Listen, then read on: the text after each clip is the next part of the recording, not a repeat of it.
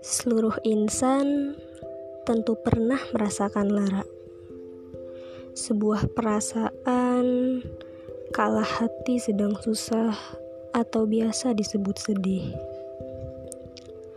Harapku semoga di antara kata-kata yang kubuat dapat menjadi pelipur lara bagimu.